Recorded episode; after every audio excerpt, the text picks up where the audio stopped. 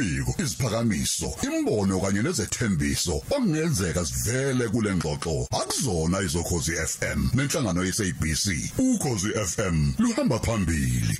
Siyahamba sibheke kakhulukazi ukuthi ngabe kwenzakalani kakhulukazi nakulempela sonto esibuya kuyona nakho konke nje okwenzakalayo ezweni. Vuka uqondeka abanzi ngeze politiki nokhanya magubane umhlaziwe zepolitiki ozimele sobe singena kuyena maduzane. Hey, asikere ke broza vele usekhona. Eh sibheka ke indaba ke eziningi ezenzakalayo. Eh wena kaMankomosi sikubingelele sibamukele kukhosi. Ngiyakubingelela Mroza nawe sigcemeza kahle kahle nami ngiseThekwini nje ngoba ngikhuluma naye. Awuzingane studio avobora. Awu. Usaba bakhazi. Ngilana nje elangeni angikho Lalela siso semahotela. Lalela.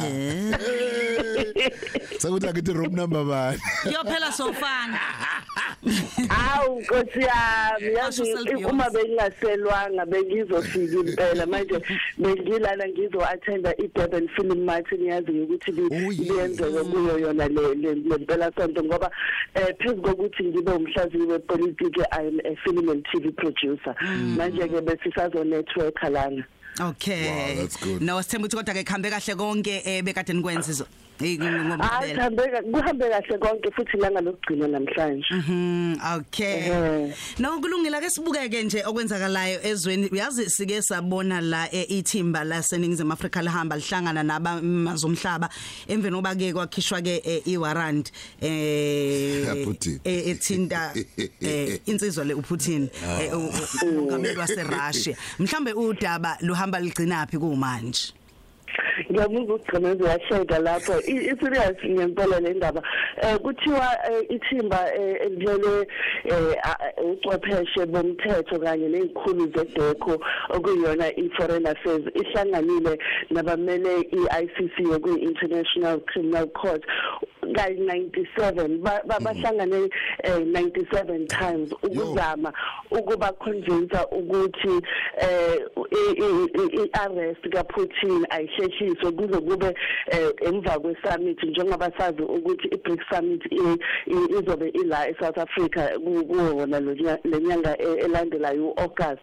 Manje kuthiwa bahlulekile ukuba convince ukuthi uPutin angezi la eSouth Africa but ekona kona okwenzakalile ukuthi em i-ICC isibizwa njengokuthi iyibhuli ngoba kuthiwa i-ICC kanye namazwe wase-West yibona afaka ipressure ku-South Africa yibona abagcizelela kakhulu ukuthi uPutin uma nje angalibeka unyawo lakhe la e-South Africa funeke aboshwe.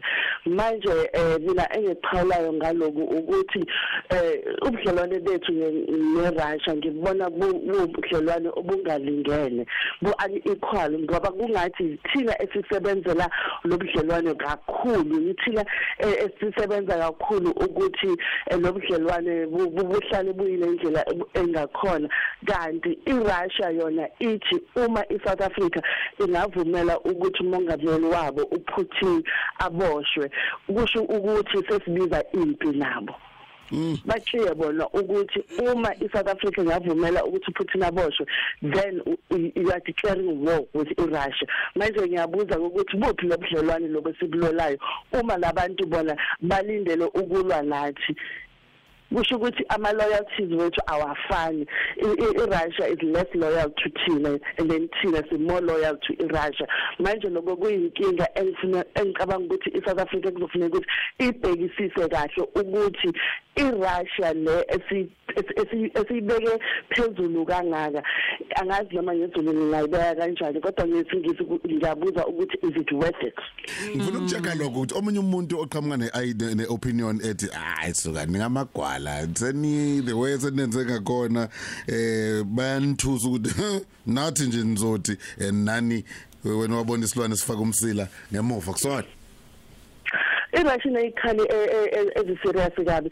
Uma kungathi thina njenge South Africa singalwa impi neRussia cha ithuba lokuwina angeke size nje sibe nalo. iRussia iyaziwa njenge njenge country futhi iRussia sinomlando odeep kakhulu nayo ngoba yasiza iSouth Africa kakhulu ngalesikhathi kuliwa against the apartheid manje siyazi ukuthi makufika ezikhalini bayasihlula kakhulu. Angeke sikwazi kumelana nabo ngoba thina iarmy yethu angeke ikwazi kumelana ne-Russian army.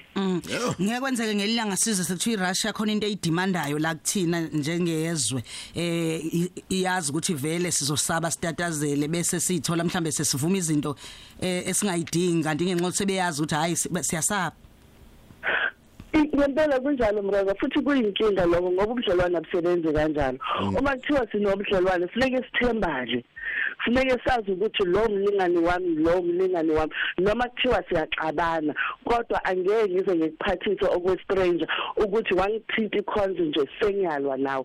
Kodwa iRussia yona ayibonisi icommitment ukuthi uma uPutin angaboshwa iSouth Africa bazothi okay balingani bethu siyazi ukuthi uboshiwe akunina ye-ICC yiloko bekufanele ukuthi kuyenzeka. Sibuye ke siphinde sibheke udaba olithinta la uANC Secretary General fikile embalula esiphinde siphinde ke khona khona lapho siphinde simqhathanisa no Public Enterprise Minister uPravin Gordhan luthini udaba olithinta lamagama abo? Mhm. Eh njengoba sazi ukuthi u u Secretary General ufikele mbalulu ebekhuluma kuyona lempela sonto ku conference ANC Women's League. Eh umsongele ubaba uPravin Gordhan ukuthi akalungise indaba zase Transnet ngoba lama trucks la asemgaqweni yiwona dala ingozi kakhulu iwona awenza ukuthi iquality yemgaqo yethu iyehle phansi ngoba njengoba sazi ukuthi ngaphambili eh ama goods amaningi ebehamba ngezitimela eh i goods train into esibizwa njengokuthi i goods train ebengahambi emgaqweni. Kodwa ke manje ngoba isystem ye rail e South Africa i damage kakhulu. Lokho kuphoqeleke ukuthi ama trucks kube yiwona athuthayo izinto noma sikhuluma ngecoal noma sikhuluma ngezinto ze mining noma nje sikhuluma nanoma yini ekufanele ukuthi ithuthwe. Lezo zinto bezingahambi emgaqweni kodwa manje ngoba isimo se translate asimanga kahle yiko nje sekunje. Manje ufikile mbalula uthe ku Pravin Gordhan uhamba ngonyawo lonwabo akazama ukusheshisa akhuphule ipace yokulungisa i-railway system yase South Africa. Kodwa ke ngiyazibuza ukuthi yena ufikile mbalula ngalesikhathi ongqongqosho wezokuthutha wenzeni ukuthi ayilungise yena? Mm. Siphinde sibuye futhi size kwabesifazane eh sibuka khona futhi la eh, kwi ANC sibuka nje u Deputy Minister eh, in the Presidency for Women, Youth and Persons with Disabilities uSisisi Itolashe sibonile enqoba lapha ya eh kwi Women's League. Ingabe mhlawumbe eh amandla ayo eh angakanani kumanje? Asafana nasekuqaleni noma likhona ithuba lokuthi angaba makhulu kunasekuqaleni? Kwenzakalani lapha ya kwi ANC Women's League? Eh njengoba sazi mroza ukuthi iANC Women's League njengoba beyine conference kuyona lempela sonto kahle kahle iye yachithwa ngoba kuye kwaba nenkinga eziningi phakathi ku Women's League iANC yathatha isinqumo sokuthi eh iexecutive yonke they must disband. So bahlala phansi. So sesibuya esikhathini la iWomen's League ibingela leadership for isikhathi eside. So njengoba manje sokuqokwe abaholi abasha sizobona ukuthi amandla wayo yini ngoba ngaphambilini eh eyona yona into beyikhathaza abantu kakhulu kakhulukazi abantu besifazane ukuthi iWomen's League ayinawo amandla.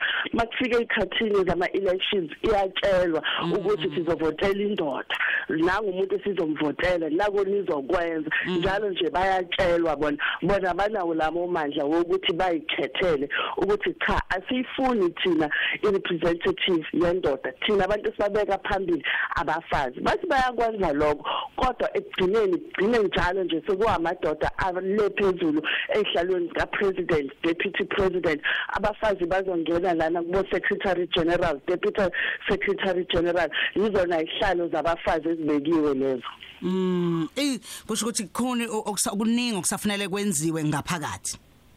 Kuningi kusafuna ukuthi kwenziwe ngaphakathi ngoba u- uyabona next year i- i-South Africa izobe iqoka 30 years of democracy since 1994 ngabe kule 30 years at least nakanye sesibe nomongameli wenkosikazi omuntu osifazane kodwa lokho akukwenzeki ngoba i-ANC Women's League kuze kube manje abanikezwa lawo mandla wokuthi bakhuphule umholi ozohamba ahambe azafike kuso sona leso sikhundla esiphezulu.